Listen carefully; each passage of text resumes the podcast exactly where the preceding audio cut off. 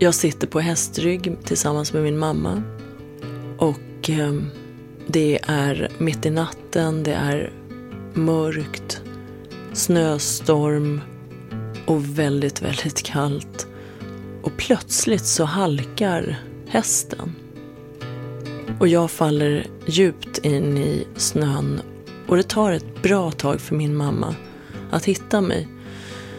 Så att när hon väl känner mitt hår mellan sina fingrar och drar upp mig så märker hon att jag eh, har ingen puls och jag andas inte.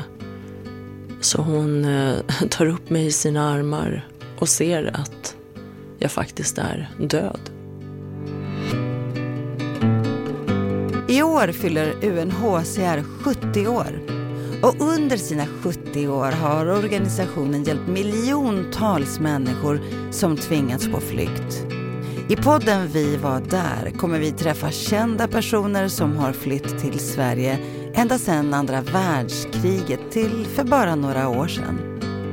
Nu är det tidigt 80-tal och vi är i Irans huvudstad Teheran efter den iranska revolutionen lever många familjer i skräck.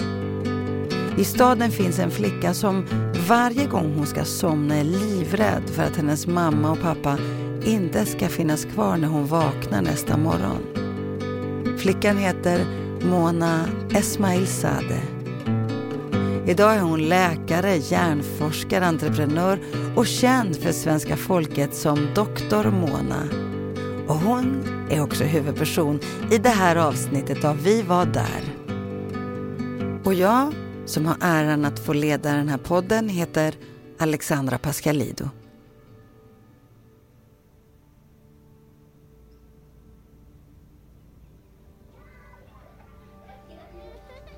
Jag är en spinkig liten flicka som eh, egentligen är ganska pratglad och verbal men som eh, oftast går och suger på min tumme och gömmer mig i hörnet av ett rum.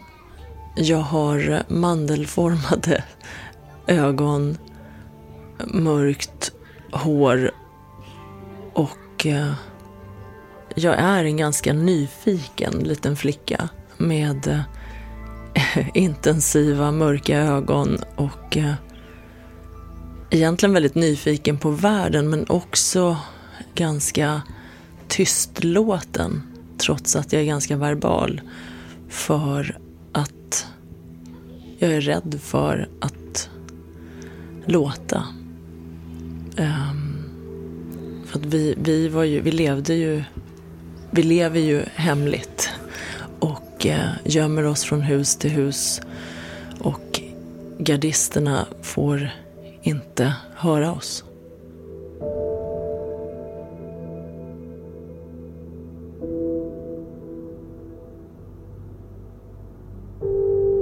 Mina föräldrar är på iranska regimens svarta lista. De vill ha demokrati och frihet och därför är vi jagade av revolutionsgardisterna.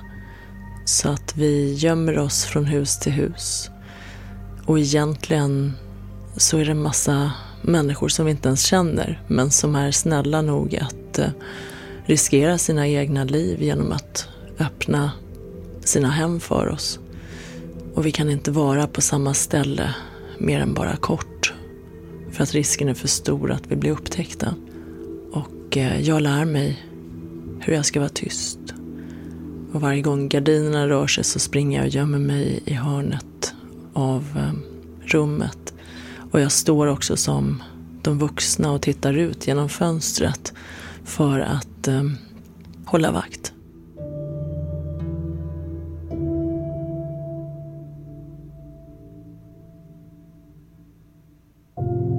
Varje dag eh, för mig börjar ju med att undra i princip om mina föräldrar kommer att vara kvar till nästa dag.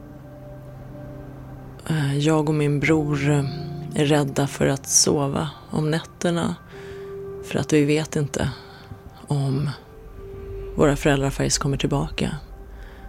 Min mormor tar hand om oss en hel del också. Och eh, vi får lära oss att eh, kalla pappa för morbror och vi har täcknamn. Så jag heter egentligen inte Mona utan jag heter Mina. Jag vet ju att eh, vi är jagade av eh, några onda människor. Och eh, även när jag sover så är jag liksom rädd för att ha benen utanför sängen för att jag tror att det finns små mullor under sängen som ska dra ner oss och, och avrätta oss. Så att jag vet ju som treåring att, att vi helt enkelt är förföljda. Men samtidigt så är ju det det enda som jag har upplevt. Så att för mig är ju det det normala.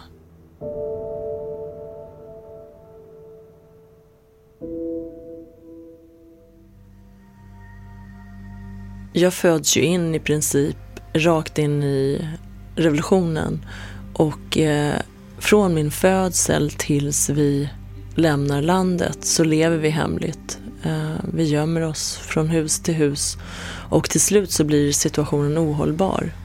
Eh, många av eh, våra vänner blir arresterade och torterade och avrättade. Och till slut så finns det inga fler hem för oss att gömma oss i. Så vi påbörjar en flykt som blir till en ganska dramatisk flykt. Vi har eh, varit på flykt ett tag. Det är minus 25-30 grader i de kurdiska bergen och eh, vi försöker ta oss från Iran till Turkiet.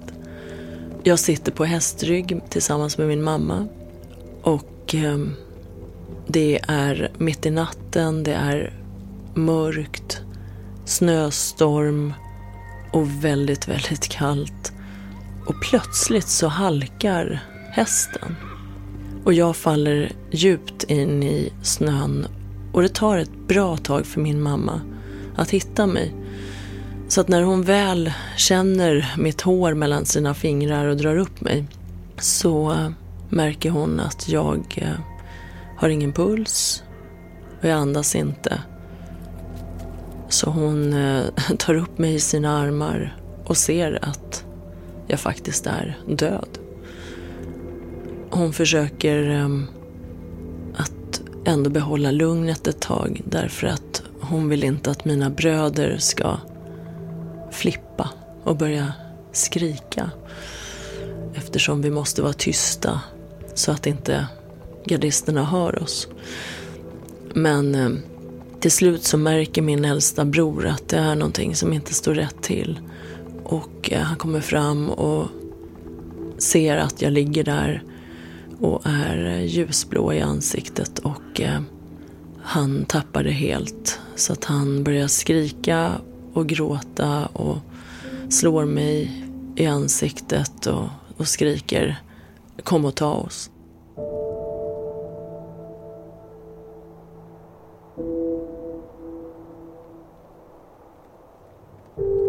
De lyckas eh, till slut eh, lugna ner honom och eh, vi tar oss till den närmaste bergsbyn där några äldre bykvinnor tar mig och lägger ner mig i en balja fylld med tempererat vatten. Och mina bröder och mina föräldrar är ju helt förtvivlade och och gråter och min mamma ber till Gud att eh, hon ska återfå sitt barn. Sen går det en liten stund och eh, de här bykvinnorna masserar min ljusblåa kropp och försöker helt enkelt få liv i mig. Och eh, efter en stund så, så öppnar sig ögonlocken och eh, mina bröder och min mor och far de, de liksom skriker av glädje och det är ju som vid ett mirakel. Jag är död och eh, återuppstår.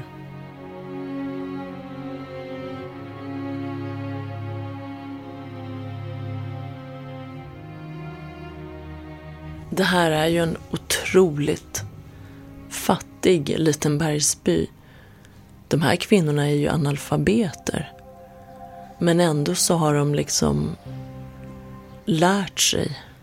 Det är som en slags nedärvd kunskap från generationer där de helt enkelt har lyckats rädda livet på andra personer på det här viset. Så det är ju tack vare deras kunskap som jag överhuvudtaget sitter här. Det här är, liksom ett, det här är under liksom väldigt, väldigt enkla förhållanden.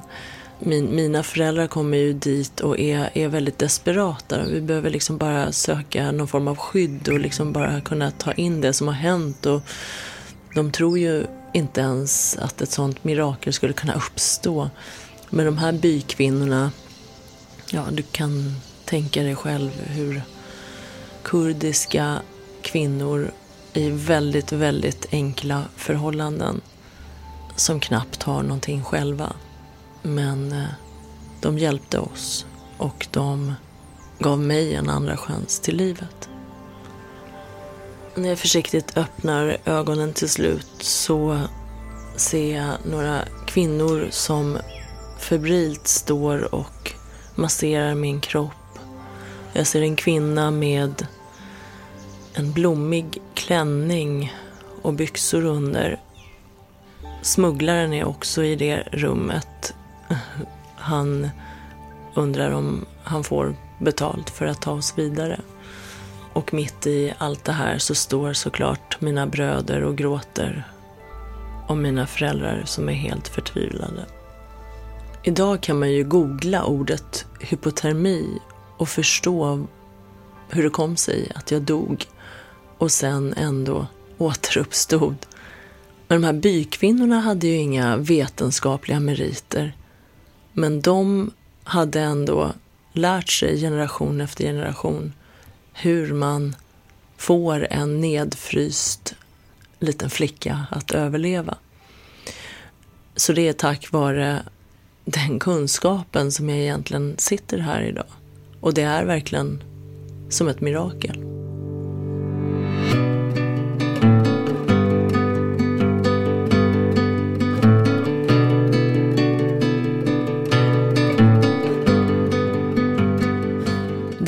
Är podden Vi var där.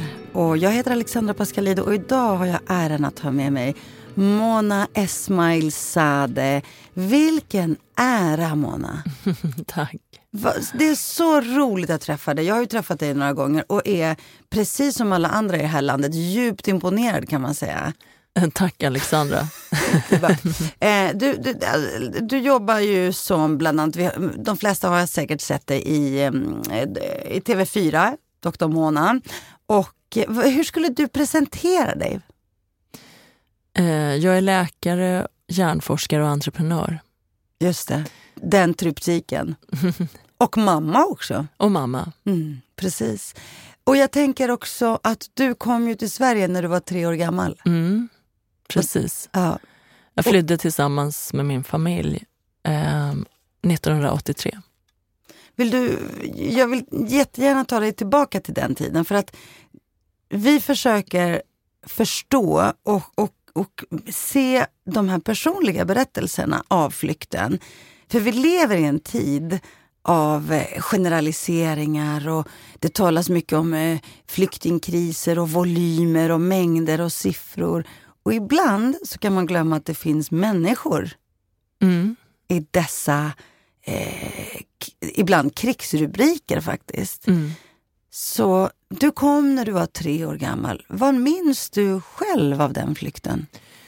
Jag minns ju inte särskilt mycket. Jag har ju fragment i huvudet men eh, det är ju svårt att veta om det är sånt som har blivit återberättat eller om det är sånt som man själv faktiskt minns. Eh, jag har vissa väldigt tydliga minnen från flyktingförläggningen i Flen och lite absurda små detaljer som enligt mina föräldrar i alla fall, inte kan vara något de har återberättat. Men, men, Vad kan det vara för absurda detaljer?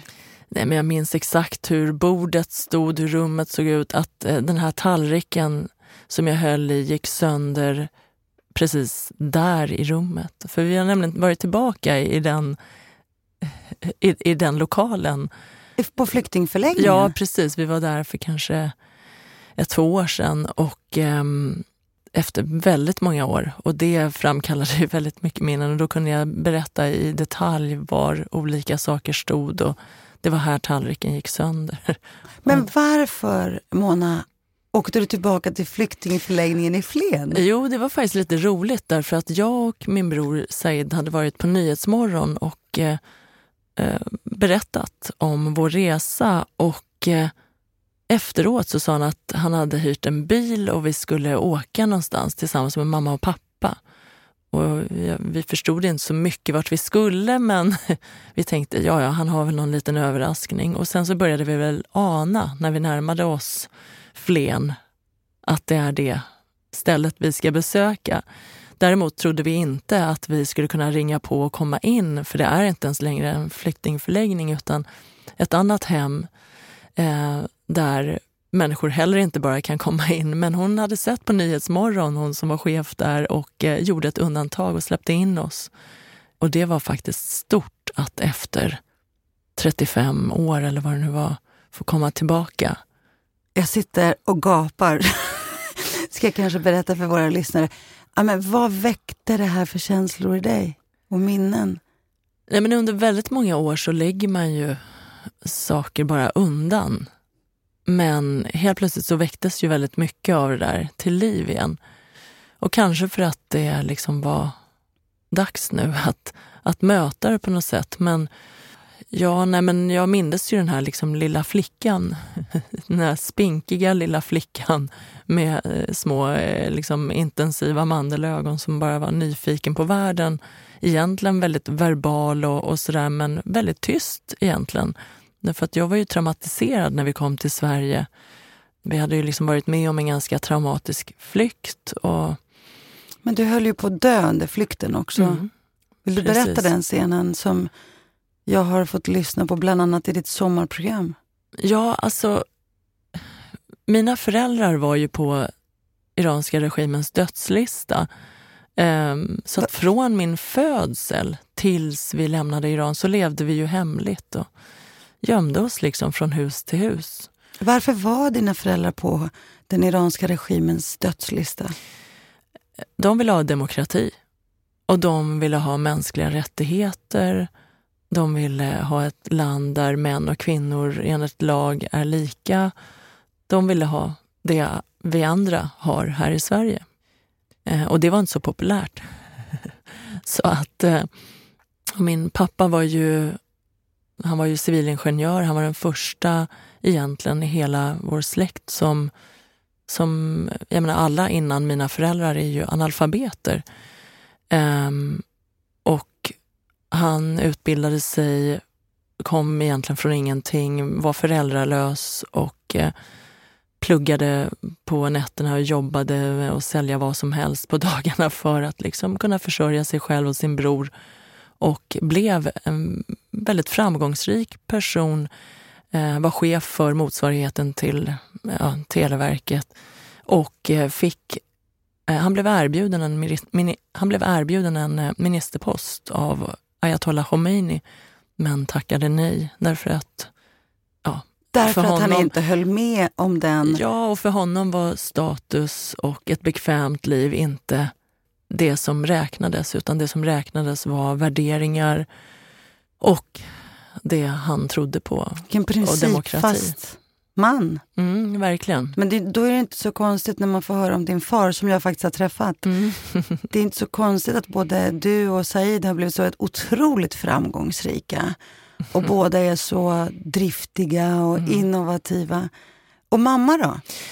Min mamma är ju en riktig lejoninna. Liksom. Hon, hon var en av de första kvinnorna i iranska motståndsrörelsen. Och eh, ja, alltså, min barndom gick väl ut på att hon an, jag användes ju som täckmantel för att smuggla vapen och smuggla ut människor som var livshotade och så vidare. Alltså under den här tiden, det var ju så turbulent. Det var ju hundratals namn eller hundratals bilder som kom ut varje dag i tidningar vars namn man inte ens visste. Man hade bara liksom arresterat och avrättat människor för att de hade ett flygblad mot regimen. Och så att många av mina föräldrars vänner blev ju arresterade och torterade och avrättade. Och vi levde då hemligt eh, under alla mina levnadsår i Iran och då var det just ja, snälla människor som inte ens kände oss men som faktiskt riskerade sina liv och släppte in oss i sina hem och gömde oss för att, att rädda våra liv. Och det räddade ju verkligen vårt, våra liv. Eh, tills den här situationen liksom blev ohållbar och vi var tvungna att, att eh, lämna landet och fly. Och vi trodde ju absolut inte att vi skulle bli så här långvariga i Sverige. Vi trodde max ett år. Mm. Det var ju bara för att mina föräldrar skulle få andrum och komma tillbaka och kämpa mot regimen. Så de flesta av oss trodde när vi kom till Sverige, ett par år sa mina mm. föräldrar aldrig, alltid, ett par år ska vi vara här. Mm. Men alltså jag ryser ju när du berättar om det här enorma engagemanget hos din familj mm. och den här motståndskraften. Mm. Det här modet ändå, att, att riskera, att de riskerade sina liv mm. för det vi här i Sverige kan ta för givet Absolut. nästan. Alltså, tänk dig till exempel det här med, min mamma gick ut tillsammans med hundratusen andra kvinnor i Iran när Khomeini kom och sa att det är påtvingat med slöjan. Då gick de ut, demonstrerade, blev slagna, misshandlade. Under den här tiden hade ju min mamma sjal på huvudet själv, för det var så hon ville liksom vara. Men ändå gick hon ut och blev misshandlad för att försvara andras rätt att, att, att inte slippa ha. slöja? Ja, exakt. Hur blev din mamma så? Hur blev dina föräldrar såna människor tror du, som ändå eh, stod upp och, och eh, var beredda att betala ett så högt pris, inte bara för deras eget bästa, utan för något slags kollektivt mm. bästa, för demokrati och mänskliga rättigheter? Jag tror att de båda har en skruv lös faktiskt. Mm. Det låter rimligt faktiskt. Med tanke på att, eh, alltså vilka risker de ändå tog. Ja, alltså min mamma hon är ju lite, liksom, hon är ju verkligen som ett lejon. Hon, hon är modig, hon är stark, hon är, det finns ingenting som stoppar henne. När hon ser en orättvisa då kan hon inte bara stå och titta på. Och det här liksom, ja vad ska jag säga, det, sen tror jag också att det gör någonting med en när man är i en rörelse och du ser att dina systrar och bröder en efter en blir arresterade och torterade och våldtagna och på de liksom grövsta sätt, verkligen. Jag tror att det gör någonting med en när ens närmaste så oskyldigt blir så brutalt mm. mördade. Mm, mm. Och då blev de, istället för att fly undan det här, så blev de också fortfarande motiverade. De flydde för sina liv för att rädda livet på er. Och ni kommer till Sverige och du är tre år gammal. Och hur gammal var Said? Said var åtta. Said var åtta. Så han minns ju det här väl. Liksom. Han, när vi satt på den här flykten, det blev ganska dramatiskt därför att vi hade varit på flykt ganska länge, vi var trötta. Det var liksom... Ja, men man var tvungen att kämpa på och fortsätta framåt. Och eh, en natt så sitter vi då på hästrygg. Jag sitter på en häst tillsammans med min mamma i mammas famn. Min mamma hon, hon liksom har mig under sin tröja. För vi hade ju inga kläder heller för det här. Utan Det skulle inte se ut som att vi ska till de här kalla områdena. utan och var, var är det här kalla det här är då, Vi försöker ta oss från Iran till Tur Turkiet och då eh, tar vi oss då genom de här kurdiska bergstrakterna. Och där, det, här, det här är liksom en av de kallaste vintrarna på jättelänge. Det är minus 25-30 grader. Det är snö upp till eh, liksom hästen. Det är snöstorm, det är kallt, det är mörkt, det är mitt i natten. Och det finns bara lite månljus liksom. Och eh, plötsligt så halkar den här hästen som vi sitter på och jag glider ner för mammas famn och ner i den här djupa snön och försvinner. Och, och det tar ganska lång tid för min mamma att hitta mig. Um, I mörkret dessutom. Ut, ah. Och hon försöker ju att inte göra något väsen av sig. För att sen när hon till slut då känner mitt hår mellan sina fingrar och drar upp mig så har jag ingen puls, jag andas inte, jag är helt ljusblå och hon inser ju liksom att jag är död. Och hur ska hon då göra? För att hon har precis... Eh, hon håller liksom i, i ett livlöst barn i famnen. Men hon har två andra och hon vet att hon måste framåt. Och hon vill inte skapa någon drama kring det här, så hon försöker vara tyst ett tag. Men min äldsta bror, han anar oråd. Så han kommer ju fram och, och, och liksom börjar skrika och, och gråta och börjar slå mig i ansiktet och säger min syster är död, kom och ta oss. Men de lyckas tysta honom till slut och eh, vi tar oss till närmaste bergsby. Och eh, det här är liksom en väldigt fattig kurdisk by. Och det är några bykvinnor som kommer fram och, och eh, tar mig och lägger ner mig i en balja fylld med kallt tempererat vatten och börjar liksom massera min ljusblåa kropp. Och där står ju liksom eh, mina föräldrar och mina bröder och gråter och skriker och ber Gud om hjälp. Liksom. Och jag tänker när du berättar det här att jag tänker på alla de barn som har dött på flykt. Absolut. Då är det bara en bråkdel som har nått oss genom bilder som etsar sig fast och du skulle ha kunnat vara ett av de här barnen. Ja, precis. Jag borde egentligen ha tillhört den statistiken. Alltså barn är ju de mest utsatta. Vilken fruktansvärd upplevelse för din familj. Mm. Har du någonsin varit tillbaka? Nej, ingen av oss eh, har. Vi är ju liksom politiska flyktingar mm. och eh, mina föräldrar är fortfarande aktiva mot iranska regimen och eh, jag har ju också varit det till stor del. Um, och ja, vi vill gärna tillbaka. Vi har ju fortfarande en dröm om att få återvända. Så att... Um, så engagemanget har inte svalnat? Nej, inte alls. Och det, man ser ju på min mamma som är 71 och pappa som är 80 nu. De tror ju att de fortfarande är 25 och fortsätter ju att kämpa. De... Så vad gör de? Hur, hur ser deras engagemang ut? Nej, men de eh, åker runt om i världen och demonstrerar mot iranska regimen och de eh, bidrar på alla möjliga sätt de kan för att se till att hjälpa det motstånd som finns för att få bort den här regimen. Det är ju såklart också bara en tidsfråga. Mm. Helt otroligt. Jag tänker, och samtidigt så har de uppfostrat två, två barn. Alltså Said som också är alltså han är en, en, av, en helt otroligt framgångsrik entreprenör.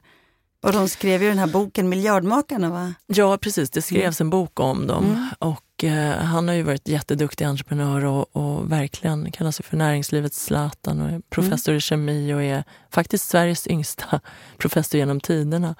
Men det är inte det mina föräldrar är stolta över.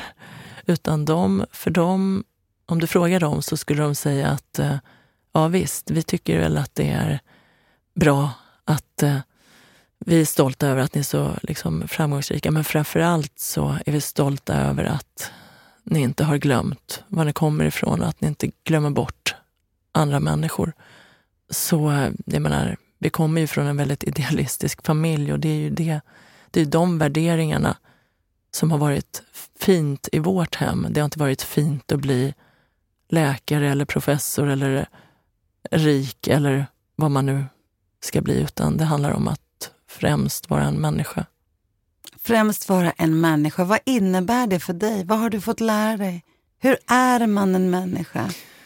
Ja, det är en väldigt bra fråga. Jag funderar fortfarande på det, men jag tror att uh, en bra människa för... Jag menar, det är ju bara att se på hur mina föräldrar, de tänkte ju, jag menar, de hade ju kunnat ha ett bekvämt liv i Iran, men de valde ju den här kampen därför att för dem var det viktigare att alla barn i Iran, att alla kvinnor i Iran, att alla människor i Iran får de friheter som vi här i Sverige tar för givet. det var viktigare för dem än att jag och mina bröder skulle liksom få mm. en mer, vad ska man säga, harmonisk ja, eller harmon, privilegierad ja. um, barndom och mm. uppväxt. Mm. För att det är klart att uh, fram tills vi blev tonåringar så har vi ju liksom avverkat minst ett tiotal tillfällen där vi, ja, där det var liksom fråga om liv och död. Oj, mm. hur menar du då? Nej, farliga situationer mm. där vi, uh, det finns ju många sådana tillfällen där mm där vi inte borde ha... Alltså jag borde inte sitta här egentligen. Jag, jag lever ju på övertid. Hela min familj lever Men på övertid. även efter den här incidenten när ni var på flykt? Har... Ja, absolut. Alltså vi har ju liksom som sagt fortsatt ändå vara en del av den här kampen. Liksom. Och, eh... och vad har det kostat er? Vad har det lett till? Nej, men det har både kostat oss egentligen väldigt mycket saker. Ehm, jag tror att du vet, trauman ger ju ärr. Men trauman ger också superkrafter. Och vi försöker väl fokusera på superkrafterna och, och mer lära kanske av ärren. Och låta ärren få oss att minnas att eh, vi får aldrig liksom glömma bort kampen för frihet och demokrati. Finns det något hopp överhuvudtaget för Iran? Ja, självklart finns det hopp. Men du får fråga dig, eh, ni kom till Sverige, ni, ni hamnade först på flyktingförläggningen i Flen mm. och sen blev vi nästan grannar. Ni hamnade i Husby om jag förstått saken rätt. Gud, är du uppvuxen där? I Rinkeby. Ja, ah, vad roligt. Och vet du, vi kom faktiskt först till Rinkeby och bodde två veckor, om jag inte minns fel, hos eh, ja, några, liksom, en annan iransk familj som bara vi behövde liksom vara där i, ja, vi var där hos dem, bodde i deras, liksom, jag vet inte, vi, vi sov liksom i, de hade typ som ett förråd. Mm. och där var vi i två veckor, de var liksom eh, snälla mot oss. Och sen så flyttade vi till Husby. Eh, så att jag har egentligen lite smått mellanlandat i Rinkeby kan ja. man väl då säga. Kommer innan vi kom till Husby. Kommer du ihåg vad det var för färg på husen? Ja, absolut. Alltså, du vet när man åker mot eh, Alltså är det E18 eller vad är det ja, man åker? Det, de här stora röda Tänk dig husen. om du åker från, exakt. Men där bodde jag också. Va? Nej. Ja, i fem år. Det var studentlägenheter på den tiden. Ja men gud, alltså de här som ja. står så här idag. De här ja, gigantiska, jättemånga om, du, om, du, om du åker från Kista Absolut. mot Rinkeby. Ja, mot Rinkeby ja. så är det första du ser höger. på höger hand. Här är bensinmacken och här till höger. Men gud, då har vi varit grannar. Lite... Vilket år, vilket år kan det här ha varit? är 1983. Mm, ja. Gud vad roligt. Men du, men, efter, och i Flen på flyktingförläggningen, var ni, hur länge var ni där? Vi var där i två månader eh, faktiskt. Så det gick ju ganska snabbt ändå. Eh, ja. Och så kommer ni till Husby. Precis. Och där är jag, alltså, jag är ju fortfarande en traumatiserad liten flicka. Eh, så att eh, så fort gardinerna rör sig så springer jag och gömmer mig. Eh, när jag hör motorcykelljud så springer jag och gömmer mig. Det här är iranska revolutionsgardisterna, de hade ju, de, de var ju på motorcyklar. Så att eh, vi höll ju vakt liksom vid fönstren i de här husen där vi gömde oss för att se om, om det kommer någon och sådär. Och då stod ju jag där och härmade de vuxna och höll vakt. Och sen så när jag hörde en motorcykel eller så, så sprang jag och gömde mig i hörnet av rummet och liksom var tyst. Och det här höll ju i sig ganska länge sen, även i Sverige. Det förföljde dig? Ja. ja. Men, men jag tänker, kunde ni verkligen slappna av i Sverige också? För det måste ju finnas också underrättelse. Ja, och vi har ju varit utsatta för bombhot och allt möjligt. Säpo har ju liksom... Eh, ja, och tack också Säpo för att jag sitter här idag. Men, men eh, alltså, jag tror ändå att när man kommer från den typen av förföljelse som har pågått i flera år och sen kommer man då från en dramatisk flykt på flera veckor och hela tiden så handlar det ju om att vi kommer troligen dö, men nu hoppas vi att vi ändå klarar det här. Så det är verkligen på liv och död.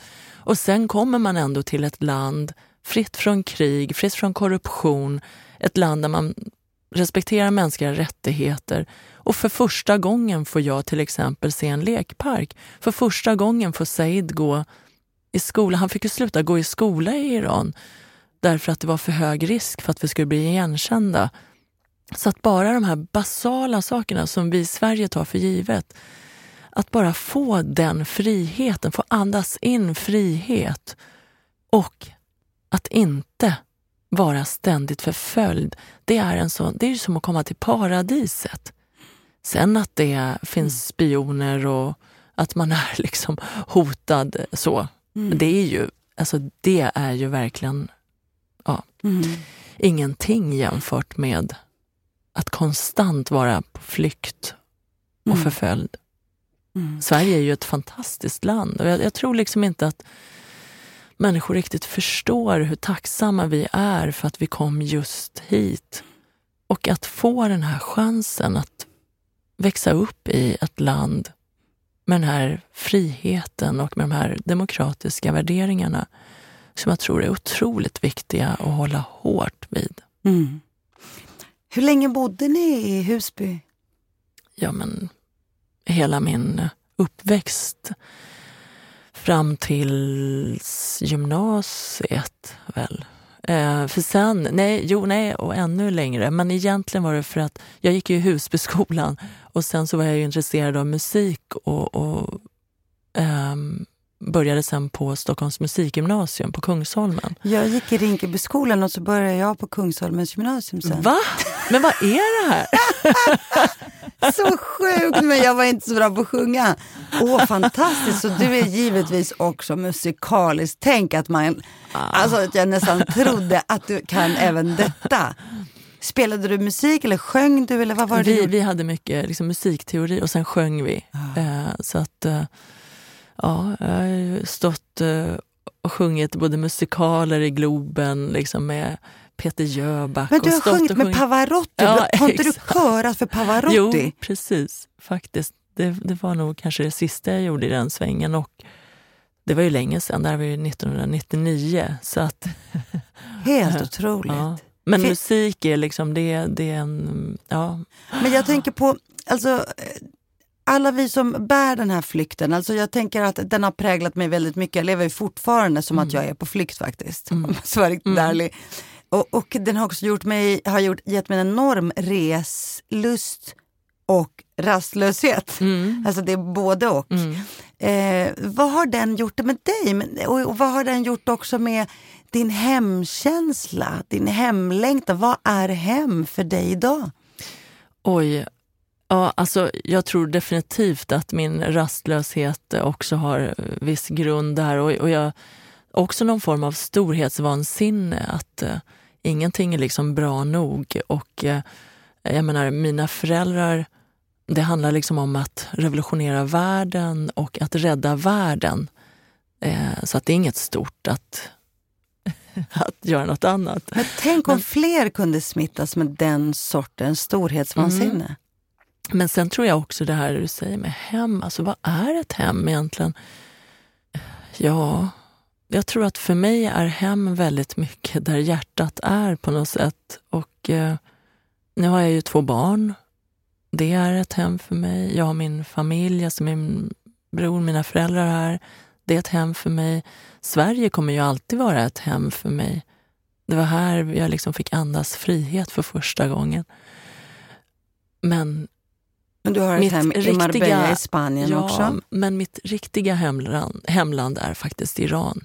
Och jag tror att det är lite, det är inte att jag är patriotisk på något sätt, utan det handlar mer om att vi inte får komma, liksom vi, ja men att vi är flyktingar långt bort från vårt hemland som kunde ha varit så fantastiskt det finns också en retorik nu för tiden som jag tycker är sorglig.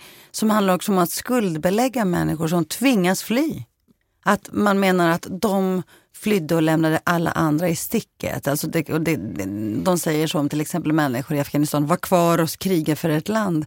Vilket är väldigt sorgligt skuldbeläggande tänker jag av de människorna som faktiskt flyr men ändå fortsätter kämpa. Mm. Exakt, för jag tror att i till exempel mina föräldrars fall så tror jag det var så otroligt tydligt. De var ju så politiskt aktiva så att det var ju mer, ja, vad ska jag säga? Det fanns inga alternativ. Nej. Det var och, döden. Precis, men att de fortsatte ju faktiskt att kämpa. Det har ju varit hela, hela deras liv och mm. på sätt och vis även väldigt stor, stor del av vårt liv. Mm. Så avslutningsvis, Mona, jag skulle kunna prata med dig så länge. Eh, men jag skulle vilja fråga, så här, vad, vad tror du att den här flykten har gjort med dig? Hur har den format dig som människa? Jag tror att den har gett mig perspektiv. Och jag tror att den har lärt mig att eh, inte spela offer. Att det spelar ingen roll om du är ett offer. Det är bara att omvandla dig själv till hjälten, för du ska framåt. Jag tänker på alla de här kvinnorna, för att vi eh, var ju inte kvar i Sverige sen. Vi åkte ju tillbaka och jag är ju uppvuxen på ett militärläger. Eh, och där var det ju um, de här kvinnorna som liksom kämpade mot uh, iranska regimen, de här kvinnorna i motståndsrörelsen, de hade ju fått utstå det värsta. De hade, fått liksom bli, de hade blivit torterade, våldtagna, sett kanske sin mor bli våldtagen, eller sin dotter bli våldtagen framför ögonen på Alltså de har varit med om så hemska saker. Och ändå så hade de inte gett upp. Utan de fortsatte att kämpa. Och med ett leende dessutom. De liksom, det är så jag tänker. Att, alltså, det är ju svårt att leva. Faktiskt svårt att leva även om man inte har varit på flykt, även om man inte har den typen av trauma. Det är svårt att leva överhuvudtaget och man utsätts för orättvisor, man Livet är hårt, men det handlar ändå om att man får stryk, man ligger ner en stund, man slickar sina sår, man ställer sig upp och man fortsätter framåt. Och man fortsätter framåt. Fortsätt framåt. Vi är många som följer dig. Tusen tack, doktor Mona Esmailzadeh, för att du var med i den här podden. Tack Alexandra. I år fyller UNHCR 70 år. I 70 år har UNHCR funnits på plats och räddat liv på människor som har tvingats lämna allt bakom sig. I 70 år har UNHCR sett till att människor på flykt ska få komma till en trygg plats som de kan kalla för hem. UNHCR var där under alla årtionden och de är fortfarande där. Tack för att du har lyssnat på podden Vi var där. Jag heter Alexandra Pascalido och vill du hjälpa människor på flykt? Googla bara Sverige för UNHCR och så får du gärna sprida och dela den här podden om du tycker om den. Don't you know that